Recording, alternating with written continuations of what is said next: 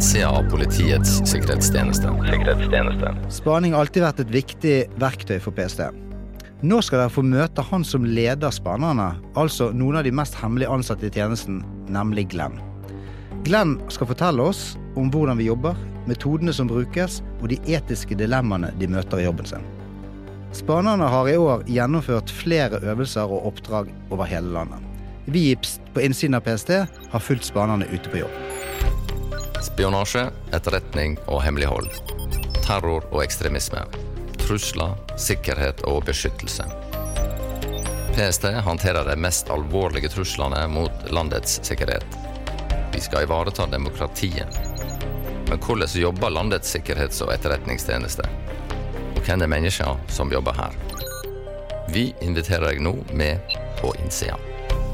Ja, Eirik, her sitter vi igjen. Og eh, som jeg sier, hva har du drevet med i det siste?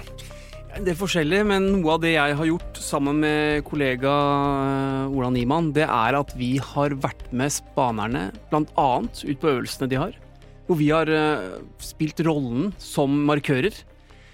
Og det kunne vi gjøre ganske enkelt, fordi mange av spanerne kjente ikke oss. Og vi kjente ikke dem, fordi vi jobber på ulike steder. Slik at vi hadde da en, for, en fordel å kunne gjøre dette her til veldig realistiske øvelser ved å være en del av det. Du hadde, hadde jo med deg noen lydklipp Ja. på, når du kom tilbake. Jeg tenkte vi kunne, kanskje skal høre på noen av de? Ja, for jeg kan jo si at den ene øvelsen vi var med på, der fikk jeg rollen som en person som ble kalt Varg. Og jeg var da en, en karakter som skulle skape og knytte kontakt med et nettverk i et uh, fylke i Norge. Reiste rundt fra by til by, eh, fra tettsted til tettsted. Og Olas rolle, han ble kalt eh, John. Og hans rolle var å være en slags eh, kontraspaner for meg. Han skulle følge etter og se da om jeg ble utsatt for forsøk på spaning, eller, eller spanere som da fulgte etter. Det var hans jobb. Og eh, Ola hadde på eh, opptaksutstyr, så vi kan jo høre på et av de lydklippene her. Det er intenst det her, altså. Det er eh, mye bilkjøring. Det er korte stopp. Minnepinner i telefonkiosker. Det er eh, sjokoladepapir som skal gjemmes eller legges igjen på benker. Og ja, korte stopp, raske nye vendinger og steder vi skal kjøre. Så nå dundrer vi nedover tunnelen her. Jeg prøver å holde tritt med Varg VM så, så godt jeg kan her uten å avsløre noe. Ja, Ola, dette hørtes jo litt intenst ut. Eh, var du forberedt på dette? Jeg visste jo at vi skulle være med på dette her ganske lenge, da. Vi forberedte det jo godt. Men jeg blei nok tatt litt på senga av hvor virkelig det var. Fordi husk, dette er ikke noen scener som er bygd opp, eller eh, noe liksom-greier. Det, det var veldig alvorlig. Eh, det vi skulle ikke bli avslørt. Og det gikk egentlig i ett, da. Så det, det du hører her, er på en måte meg som sitter i min egen bil, har vært aleine eh, siden tidlig den morgenen. Eh, og jeg er voksen, så jeg klarer meg jo sjøl, men, eh, men skal bare henge på Eirik på avstand, da, mens jeg vet at trolig så er det noen som jakter på oss, eller følger med på oss. Eh, og det skjedde jo mange ting i dette her, sant, som gjør at eh, pulsen var høy eh, hele øvelsen som, som varte noen dager, da. Ja, og Det ble jo ledet av en, av en ledelse som da mm, sendte oss eh, beskjeder og meldinger eh, på hva vi skulle gjøre, hvem vi skulle møte og hvilke samtaler vi skulle ha, og innholdet i disse samtalene. Og eh, det pågikk ja, da døgnet rundt, så det var ikke noen pauser og hvor vi kunne i og for seg snakke sammen. Jeg og Ola skulle ikke ha noe kontakt i det hele tatt, noe vi ikke i og for seg hadde heller.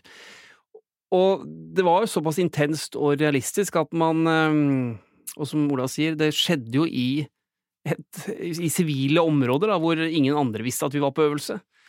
Så eh, det var veldig ja, jeg vil si, realistisk, og skapte i og for seg også en sånn ubehagfølelse til tider, når man visste hva man sto midt oppi. Ja. Hvis Ola ble stresset, og så du fortalte meg etterpå at du ble litt paranoid. Ja, det ble man faktisk, selv om det var en øvelse, og vi visste at dette var jo eh, våre egne kollegaer som, eh, som fulgte med på oss, og selv om vi ikke kjente dem, så var det en trygg ramme rundt det. Men jeg sto i dusjen på hotellrommet en morgen og sto og tenkte at hva hvis noen har montert et kamera inn her som en del av øvelsen, sitter de nå og følger med på meg mens jeg står her eh, naken i dusjen? Ikke at det hadde vært så mye å se på, men allikevel så ble det sånn, sånn ubehagsfølelse. Og så tenkte jeg at hvis dette hadde vært realistisk, da, hvis jeg hadde vært en person som mistenkte, hadde en følelse av at jeg var spanet på, så eh, er det en stressende tilværelse. Så, eh, så eh, jeg håper ikke jeg opplever det noen gang. Jeg blei jo stressa fra vi eh, skulle jo sjekke inn på et tidspunkt da, på, på et hotell. Og bare det å ha en dekkhistorie som du liksom går og tenker på idet du går inn i resepsjonen Her er det mange folk ikke sant, som ikke aner at det er en øvelse som skjer rett foran øynene deres. Uh, og, og, går bort til denne resepsjonisten og sjekker med, med, med falsk navn og forteller noe, noe, som bare er ljug. Kommer opp på, på hotellrommet, sant, legger, setter fra meg bagen, og da ringer telefonen på hotelltelefonen. Og da er det bare en stemme som sier koden er eh, ja, en PIN-kode på fire siffer. Og jeg bare all verden, jeg må, notere på et eller annet, og bare dro fram et eller annet, fikk notert, for han, han la på med en gang. Og så ser jeg den telefonen som ligger der, og da er, da er liksom filmen i gang. Da, ikke sant? Da er, da er det game on. Så da, da var det i gang.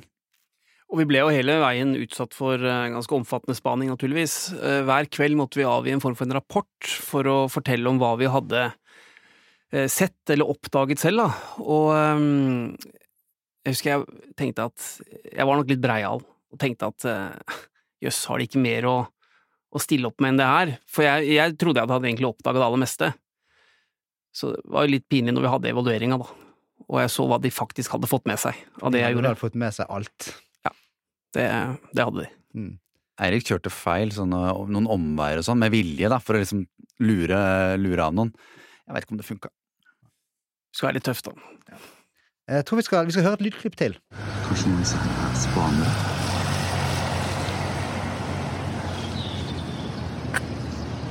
Jeg tror egentlig ikke det, men søren heller, ass.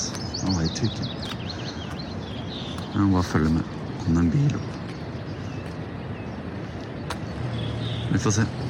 Jeg tolker dette her i hvert fall, eller vil ikke tolke det i retning som at dette spilte min fordel. At det ble mer, mer folk her oppe. Ja, Ola, det var du som kom med dette lydklippet. Hva, det høres ut som et opptak fra en ornitolog som ligger ute i naturen og lytter. Ja, og lytte gjorde jeg, men jeg lurte på om jeg skulle grave meg ned òg. Fordi, eh, fordi, eh, som sagt, som Eirik sa, jeg, jeg, skulle jo være den som spana på spaneren igjen, da. Så jeg kjente jo på det ansvaret som den amatøren jeg er i dette gamet. Men en av instruksjonene jeg fikk da, var jo det å være i det området hvor jeg visste at eh, Eirik skulle ha et møte med, med noen og på en måte være der i forkant og se etter eh, spanere, da. Og, det jeg opplever da, er at jeg står plutselig helt ueks... Altså, jeg står på et helt åpent område, et helt åpent terreng der, og føler meg kjempemistenkelig. Så, men så kommer det det man hører her, da, det kommer plutselig noen biler opp der, og hva med en bobil og litt sånn, og jeg tenkte liksom yes, her kommer turistene, liksom, her er det bare å blende seg og eh, ikke sant? Men eh, da kommer denne paranoiaen igjen, at disse kan jo være spanere. For det er jo, det er jo helt umulig å ha kontroll på det området rundt, da, og hvem som er hvem, fordi ehm, ja, det, det, var sånn det, var sånn det føltes der, at jeg visste jo ikke hva, hvem jeg sto med, om det var venner eller fiender. Men så du noen på den øvelsen som du eh, trodde var spanere, men som viste seg ikke være det? Ja, den var det flere av, men uh, det beste eksempelet er nok uh, Jeg så et kjærestepar, og de Eh, det er umulig å være så forelska, tenkte jeg, for de gikk og klenga på hverandre hele tida nede, nede, ved bassenget der, så dem satte jeg øya i. Og liksom Dere avslørte, dere kan egentlig gå av banen. Men uh, de tror jeg faktisk bare skulle gifte seg, at de var der på kosetur, rett og slett. Fordi de så jeg ikke noe mer til, heller ikke på evalueringa, så der, uh, der, tror jeg jeg tok grundig feil, altså. Ja, Erik, du, du fortalte jo om noen episoder når du kom tilbake. Hva var det du tenkte på da? Nei, det var jo én uh, hendelse der hvor jeg ble sendt uh, ut på en ganske lang gåtur og skulle uh, forte meg tilbake igjen til en restaurant. selvfølgelig da etter beskjed fra denne øvingsledelsen, og gikk litt feil, så jeg ble litt forsinka, så jeg måtte gå ganske fort. Hadde på meg litt for mye klær det var ganske varmt der, så um, når jeg kom inn på restauranten, så var jeg sånn gjennomsvett, rett og slett, og var forsinka og og kom inn der, satte meg ned, skulle da møte en kilde og skulle da føre en samtale med han, som jeg da hadde selvfølgelig da fått eh, instruert på forhånd hva jeg skulle si og gjøre og sånn, dette var jo en annen markør, naturligvis. Og så skjer det noe inne i den restauranten uh, med en annen mann, en, ja, kall det en hendelse, en situasjon, og jeg kjenner at jeg blir altså så mektig irritert. Jeg blir sint. Jeg selvfølgelig sier jo ikke noe spesielt, men det, det skjer da noe som gjør at at jeg, mist, jeg, mister det nesten litt og tenker at kan du ikke, du ser jo ikke Altså, jeg er på jobb her, altså jeg er med i en øvelse, jeg skal jo spille en rolle her, og så kommer du her og, og, og, og gjør som du gjør. Og jeg kjente jeg ble, ble ordentlig irritert, da. Um, og så glemte jeg jo den personen helt til jeg da skulle ha den evalueringen, da. Flere dager etterpå? Ja. Eller? ja. Da plutselig så sto det en person jeg liksom kjente litt igjen, og så sier han 'husker du meg?' Og så fortalte han om denne situasjonen, da. Og så var det jo han. Mm. Så jeg hadde egentlig gått og blitt mektig irritert på en person jeg trodde bare skulle plage meg, men så viste det seg at det var da en, en spaner da, som hadde da en bevisst tanke bak det. Mm. Så man opplevde sånne ting, og, og møtte seg selv etter døren. Hvis man eh, for vår del, både jeg og Ola sikkert, har jo da tenkt at vi, vi, vi hadde litt kontroll, og tenkte at vi skulle Dette var ikke så mye å bry seg så mye om, og dette var enkle ting å avsløre, så, så skjønte vi fort at det, det var det absolutt ikke. Mm. Og så kan det høres litt ut som nå at vi er eh, to treiginger som, som ikke skjønner noe som helst. Fra Drammen, begge to. Ja, fra Drammen. Så det, det kan jo godt hende at det, at det er tilfellet også, men, men, eh, men eh, det er Og det er det jeg sitter igjen med, da, etter å ha vært med på dette og sett disse folka jobbe eh, i det levende livet, det er at før jeg gikk inn i dette her, så jeg på, så har jeg alltid tenkt på at det er jo de de spaner på som har den store fordelen, for de har jo så mye å gjemme seg bak, ikke sant, eller i. De har jo byer, de kan kjøre hit og dit, de kan plutselig hoppe på en ferge eller gå inn i en svømmehall, eller altså, de kan gjøre alt mulig rart. Eh, Men det jeg sitter igjen med etterpå, er jo at hvis spaneren har bestemt seg, og du plutselig er det en av de de følger med på, så skal det utrolig mye til å gjemme seg bort, fordi de har så mange virkemidler på, på ulike områder at, eh, at det, det, det oppleves vanskelig. Jeg tror det kan være en sånn god oppsummering av øvelsen der, Ola. Men Eirik, etter øvelsen, en stund etter øvelsen, så var jo du med på et oppdrag som ikke var øvelse. Ja, det var et reelt spaningsoppdrag, og det fascinerende der var jo at jeg kjente jo igjen en del av, av metodene og, og det som foregikk, og um, det var uh, interessant å se det i det virkelige liv, og se resultatene spaning som ressurs eh, oppnår når eh, de løser oppdragene sine. Tror vi skal få inn Glenn, som kan fortelle litt mer om, eh, om spaningsyrket. Ja, Glenn, velkommen i studio. Tusen takk. Ja, kan ikke du fortelle kort om deg selv? Ja, jeg er eh, seksjonsleder og leder eh, spaningsseksjonen i PST. Jeg har eh, vært i tjenesten i ja, litt over ti år. Og bakgrunnen min er eh, hovedsakelig fra politiet, så jeg er politimann eh, i, i, i bunn. Du skal få fortelle mer om jobben dere gjør, og metoder og dilemmaer og slikt etterpå, Glenn. Men, men først, eh, nå har vi hørt litt om øvelsen, og jeg og Ola har jo fortalt om hvordan vi opplevde det. Hvorfor er det så viktig for dere å ha så omfattende øvelser som dere har? Akkurat eh, det som dere har vært med på nå, handler jo om, eh, som dere sa, vi har fått eh, tildelt eh, midler. Vi har eh, prøvd å omsette dette til noe som skal gi resultater, og da er vi helt eh, avhengig av å trene og øve og teste og feile og bruke utstyret da, på en eh, måte som skal, som skal gi effekten eh, for oss. Så det er sånn overordnet sett hvorfor vi, vi gjør det. Og så handler det jo veldig mye om å prøve å trene og øve så likt det som vi står i i oppdrag som mulig. Eh, Det å øve på å ja, håndtere uventede situasjoner, det at eh, det ikke alltid går som planlagt osv. At det, eh, det, det får vi best til når vi, når vi går ut av et øvingsområde inn i si, omgivelser som vi ikke kontrollerer. Men disse omgivelsene, det kan være en norsk by, et norsk tettsted, en liten Mm. bygd, da. Ja. Vet de som bor der, at dere kommer da inn med drøssevis av folk, masse mannskaper, eh, utstyr, biler, og trener blant dem, og de bare er kulisser i en øvelse? For dere, er, dere har jo ikke uniformer, eller Nei, det er jo, og det er jo eh, Nei, de vet ikke det. Og det er jo noe av poenget her, at vi, eh, vi jobber jo skjult. Eh, Det er et poeng for oss at, at ingen skal merke, verken de vi ser på, eller de som er rundt, skal merke at vi er til stede. At det er noe av, eh, av eh, si, helt grunnleggende suksessfaktor for oss. Det at vi klarer å gjøre dette uten at noen får det med seg. Mm, det siste øvelsen her, altså det, det var, var, et poeng at du skulle uh, gå over uh, lange strekninger, store avstander, over tid. Mm. Hvorfor det?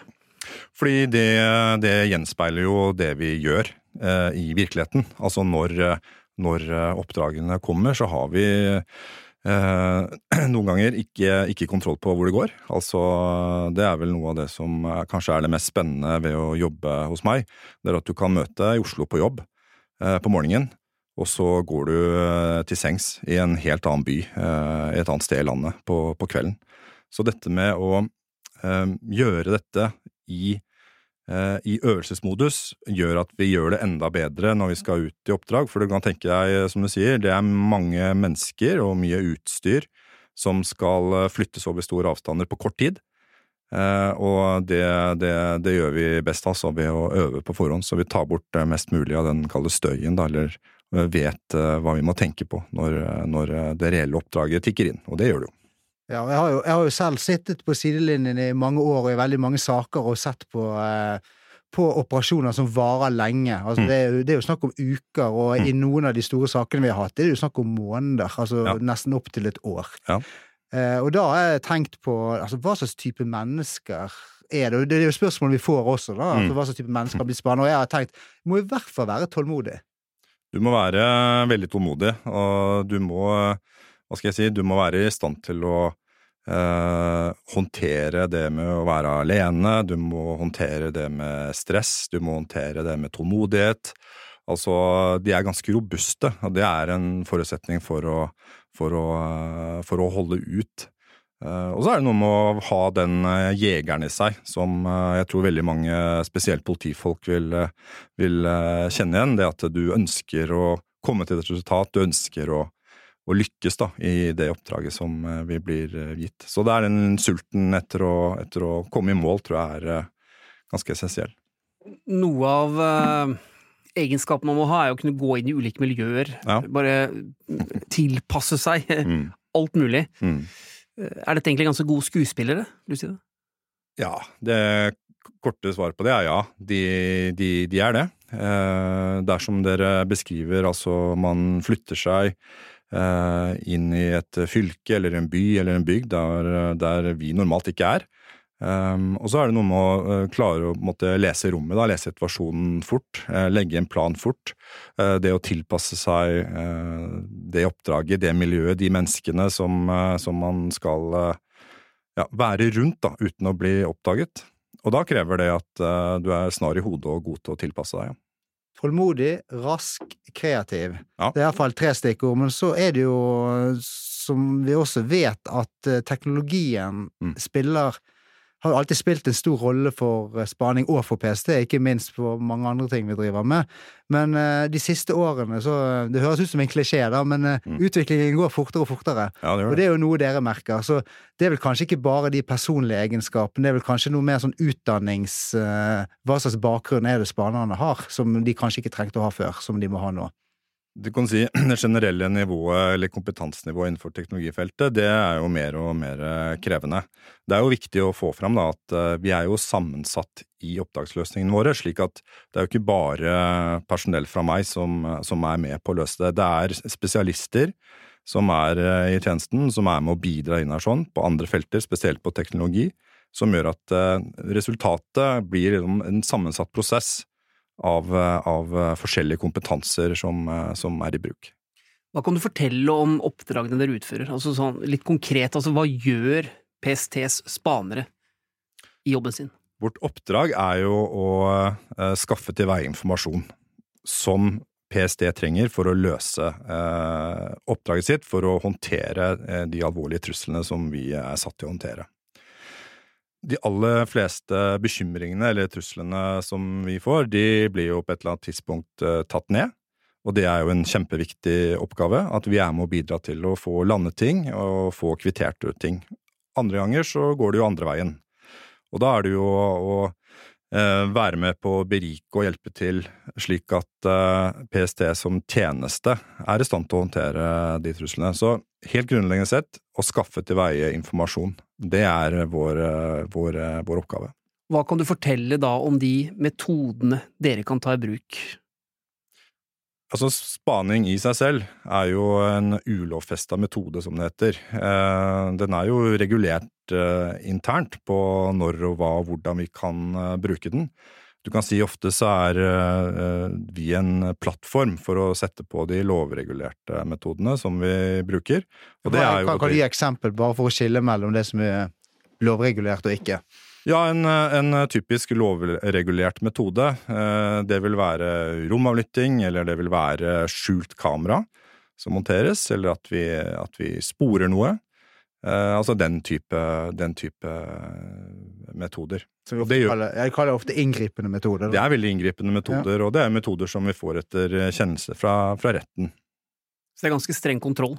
Det er ikke bare sånn at dere kan gjøre dette her uten at man må ha en, en godkjennelse? Nei, det er, eh, det er, strengt, og det er et uh, tett regime på det. Og som sagt, uh, spaningen er ikke lovregulert, men de lovregulerte metodene våre, de må man ha rettens kjennelse for å kunne bruke.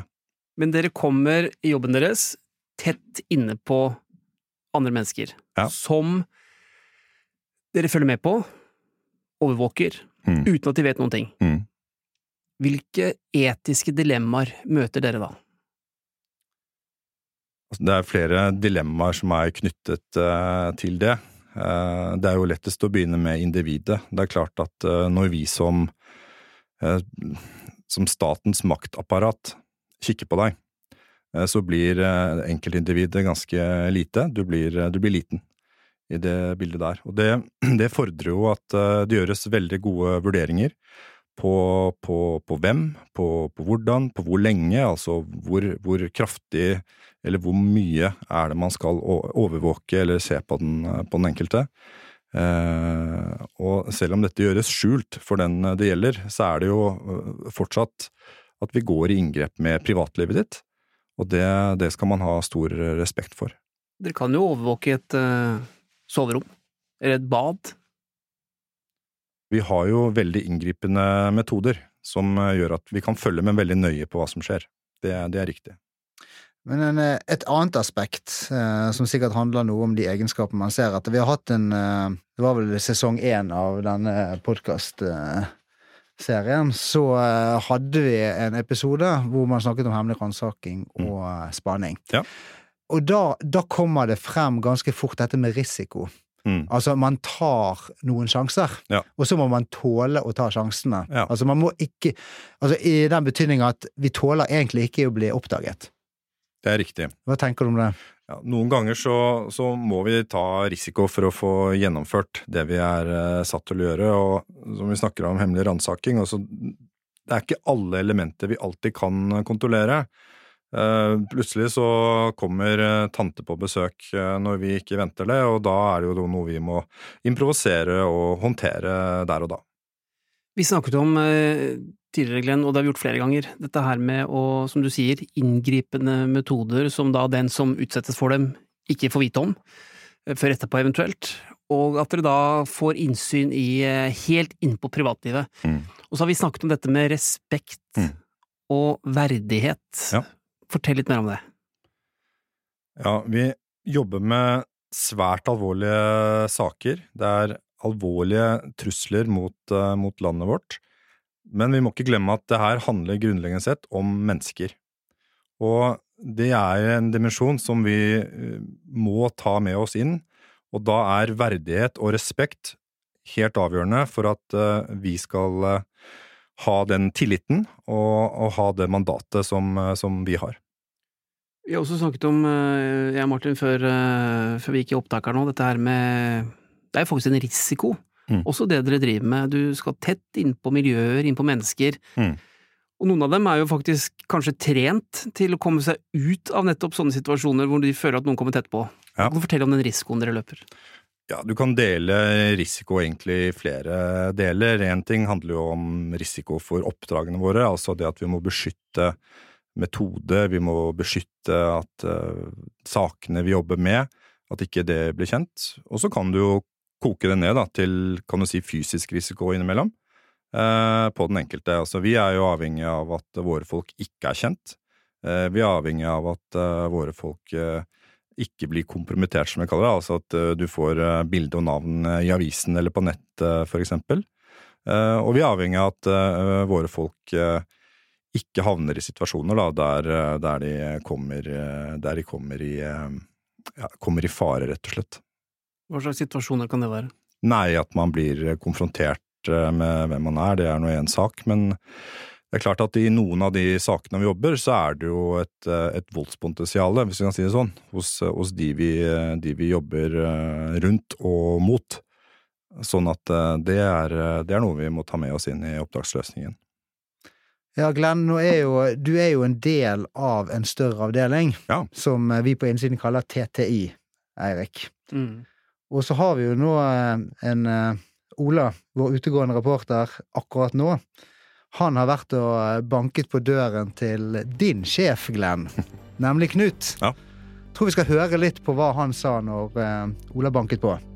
Da er jeg på vei inn på kontoret eh, her i Nydalen for å møte Knut Svenungsen, som er leder for taktisk og teknisk innhenting i PST, altså sjefen til spanerne og mange andre som jobber med å hente inn informasjon til uh, sakene PST jobber med. Så vi har en avtale nå på, på morgenkvisten. Skal, skal jeg bare komme meg inn her?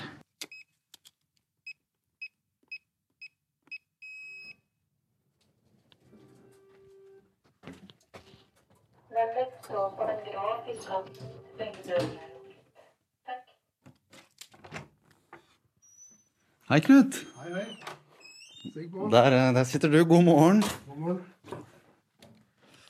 Ja, det er jo taktisk og teknisk eh, innhenting, eh, heter jo avdelingen. Og det er liksom forklarende egentlig på hva vi holder på med. Vi driver innhenting både si, operativt ute i det fysiske domenet, fysiske verden, og vi driver teknisk innhenting både ute i den virtuelle verden og i den fysiske verden med ulike metoder og eh, verktøy. Så er dere på en måte på alle mulige plattformer og steder hvor mennesker møtes eller har dialog eller eh, er? Det kommer jo helt an på oppdraget og, og hvilke tillatelser vi har. Eh, det er veldig strengt regulert, den virksomheten vår. Eh, men der vi har si, lov til å oppholde oss, om det er eh, si, eh, i det digitale domenet eller det fysiske domenet, eh, og vi har et informasjonsbehov, så forsøker vi å komme i posisjon for å hente den informasjonen vi trenger. da. Hvordan type fagfolk er det som jobber hos deg? Hva er bakgrunnen deres? Du, det er veldig sammensatt. Vi, har, eh, vi, dekker vel egentlig hele timeplanen fra skolen når det gjelder fag vi trenger å ha kompetanse om. Det vil si språk og matte, fysikk, kjemi, eh, geografi og eh, ja, samfunnsvitenskap. Fysisk fostring. Så det er egentlig hele timeplanen. Det er uh, sammensatt av uh, taktiske operatører som, trenger, som har, har vi må ha den kompetansen. Det er tek teknologer, spesialister på språk, spesialister på en rekke andre områder. Taktisk operatør, sier du. Hva er det for noe? Du, det er jo typisk uh, Du nevnte spaning. de som jobber ute og må ha de operative ferdighetene da, som det kreves. Eh, og taktikk er veldig grunnleggende i forhold til den eh, måten de jobber på. Taktikk og god planlegging. Men noen sitter jo eh, disse sitter, sitter jo ikke, Det er jo ikke åpen kontorlandskap med alle disse her, for å, for å, si det sånn. Hvordan er det de samarbeider? For det, det kan jo være saker hvor, hvor, hvor, de på en måte har ulike deler av oppdraget. da. Men hvordan er det dette skjer? Ja, det er riktig. Veldig mange av oppdragene våre de eh, løser vi eh, sammen gjennom bruk av en rekke ulike kapasiteter eller kompetanser. Så det er jo egentlig totalen der som eh, ofte er avgjørende for om vi skal lykkes med oppdraget vårt. Og det å få til et godt samspill på, på avdelingen, også med andre utenfor avdelingen, er, er helt essensielt. Sånn utad så snakker vi mye om spanerne. Men dere er jo, som jeg har vært inne på her, flere. Hvorfor, hvorfor tror du spanere er liksom så spennende og så, så mye omtalt? Nei, altså Det, det er jo spennende. Eh, de, og de gjør en fantastisk jobb. Eh, Men jeg tror det er kanskje eh, en av de kapasitetene som er, er kjent, da, som alle har et eller annet forhold til, fra film eller TV eller hva det måtte være. Også fra tradisjonell politiarbeid. Um, spaning i dag er nok ikke sånn som de aller fleste eh, forbinder med det etter å ha sett på TV eller film. Det er eh, en øvelse hvor bruk av teknologi også ute i det fysiske rom blir mer og mer viktig. Så det er egentlig samspill mellom mennesker og teknologi som eh, det handler om i stor grad i dag. Det gjelder egentlig for så å si alle områder som PST jobber med. Eh, Og, eh, og det krever også at eh, egentlig uansett hva du jobber med, så må man ha en bør i hvert fall ha en god teknologisk forståelse i bånn. da. Altså Du mener det er mindre av de som står på gatehjørnet med en stor uh, hatt, og, og mer som skjer nå foran en dataskjerm un lenger unna? Jeg tenker at det er fint det, hvis de vi, eh, som tror at de, vi følger med på dem, ser etter folk med hatt og ull i avisen. Eh, Men det er ikke helt sånn verden er lenger, nei. Dere har hatt òg. Eh, Vi har det vi trenger, vi, for å skli inn der vi har behov for det. Og så har jeg tenkt på en eh, ting, Knut. Fordi folka dine, de Når de henter inn saker, eller ting til saker, så de kommer jo over veldig mye personlig. Og de kommer jo veldig tett på personer og deres eh, nære liv og, og sånne type ting. Hvordan, hva er arbeidsetikken rundt det? Hvordan må, må, må de forholde seg til det? Nei, det har, det har vi en veldig eh, hva skal jeg si, eh, profesjonell og avklart eh, forhold til. Dette handler jo om tilliten til tjenesten. Eh, Ansatte hos oss som misbruker den tilliten, de eh, jobber ikke lenger i PST. Så dette er ikke et problem. Nei, jeg opplever ikke det som eh, noe problem i det hele tatt. Det er en god forståelse i tjenesten eh, for eh, den type problemstillinger. Så kan dere ikke gjøre hva dere vil. Ute heller, eller på de tingene her. Hva, hvor, hvor er den rammen? Nei, det er jo som du sier, det er veldig regulert, eh, den eh, hva skal jeg si for noe, eh, tjenesten vår i, i stort, og også spesielt kanskje den aktiviteten som min avdeling bedriver. Så i de aller fleste tilfellene så er aktiviteten betinga av, eh, av en domstol eh, som setter rammene for det enkelte oppdrag i den enkelte sak. Og så er det noe, det er såkalt eh, lovfesta tvangsmidler. Eh, Og så er det noen eh, metoder vi kan bruke som er ulovfesta. Spaning er en av disse metodene, som ikke er eh, konkret retta inn mot eh, et individ, f.eks. Og vi har fått vært på, på noen av øvelsene dere har gjort i år. Det var kjempespennende. Men øve, øvelse og trening på oppdrag før man plutselig er der, hvor, hvor viktig er det, og hvordan fokus har dere på det? Nei, det er jo kjempeviktig. Eh, Og det er sånn eh, en del av aktiviteten som ikke er så synlig. Men eh, det, det handler om både å vedli- vedlikeholde ferdigheter og utvikle å si, ferdighetene. Dette, ikke, dette er ikke spesielt for spaning, dette gjelder jo innenfor alle områder vi holder på med. Altså alle eh, metodene vi bruker. Eh, hvis ikke vi gjør det, så, så, ikke, så går metodene eh, fort ut på dato. Vi må vi må hele tida utvikle oss i takt med det som skjer rundt oss i samfunnet, og også i forhold til den teknologiske utviklinga. Så det er testing og feiling og prøving og øvelser og, som er egentlig en del av hverdagen og normal eh, for denne tjenesten. Og og når dere leter etter informasjon på, på ulike steder, er det sånn ganske fort gjort? Eller er det et nitidig arbeid? eh, Ja, altså Det er uh, veldig lite som er fort gjort, men, uh, men det kommer jo veldig an på da, hva, hva det er snakk om. Eh, sånn til, til, til grunn for egentlig alle aktiviteter vi bedriver, så ligger det nitidig planlegging. Sånn, det er ikke sånn ut og eh, se hva som skjer, egentlig. Dette her er planlagt ned til minste detalj. Og det gjelder egentlig alle operasjonene våre, og det gjelder egentlig arbeidet i stort, uansett hva det handler om. Og så er det jo sånn hos oss som alle andre steder at noe, tar lengre tid enn andre. Og så enn andre ting. Og så er det noen ganger så eh, lykkes vi godt, andre ganger så lykkes vi ikke. Du snakker jo om eh, digital utvikling, at samfunnet endrer seg og sånn. Hvordan tror du dine folk jobber om fem år? Nei, jeg tror, eh, som jeg sa i stad, at dette her, eh, hva skal jeg si for noe, samspillet mellom teknologi og mennesker blir bare mer og mer viktig. Altså teknologi, det, det, det gjelder jo ikke bare spesielt for oss, dette handler jo om eh, hver og en av oss i, i samfunnet ellers også. Vi ser jo hvor avhengig vi har blitt av mobilene våre, f.eks.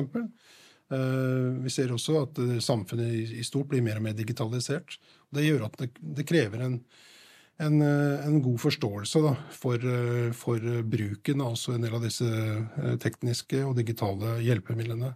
Det er ikke noe annerledes hos oss. Det er bare at vi skal forsøke å ligge så mye vi kan eh, i forkant, og i hvert fall holde tritt med denne utviklingen. Og det stiller selvfølgelig eh, litt andre krav til eh, de som jobber hos oss, enn de fleste andre. Da. Så jeg tror dette med god teknisk forståelse som sagt, i bånn, nesten uansett hva man skal jobbe med, og, og at vi lykkes da med å rekruttere de beste teknologene, spesialistene, for de som skal drive med helt spesielle ting. Mer og mer viktig. Ja, det var Knut, leder for eh, TTI. Og Glenn, du sitter her fortsatt. eh, Nå har vi hørt både deg og Knut fortelle om eh, et veldig spesielt yrke. Ja. Mannskaper som utfører veldig spesielle jobber. Men det slår meg jo at de må være utsatt for et ganske tøft psykisk press innimellom. Og ha en svært krevende jobb. Mm. Du er sjefen deres. Mm. Og hva gjør du for å ta vare på dem? Altså, vi har jo eh, vi har eh, ledere, og vi har eh, et apparat som er veldig tett på. Og det er et ansvar som vi selvfølgelig tar veldig alvorlig, og det er noe med å ha den veldig tette dialogen hele tiden med, med, med mannskapene, og ha en god føling på, på hvordan det er. Sant? Og det handler om å styre hvor mye tid og hvile, og ikke minst ikke sant? dette med å få tid til å debrife og tid til å, til å innimellom ta en fest, om det er så skal være. Så, så er det å prøve å legge til rette hele veien for at, eh, at eh, dette går bra. Eh, takk til deg, Glenn. Og eh, Eirik, neste gang så skal vi snakke om noe helt annet. Ja, det nærmer seg et uh, valg. Ja, og det er også noe som får betydning, og som PST jobber ganske intensivt opp mot, og som vi ofte gjør opp mot valg. Og det er nemlig det som blir tema neste gang. Da får vi besøk av to PST-ansatte som eh, har jobbet intenst med det, og vil fortelle litt om eh, hva ståa er, og kanskje spesielt det som handler om trusler mot politikere. Det blir nok et høydepunkt. Ser du noe, si noe. Men bruk sunn fornuft. Kontakt oss på pst.no.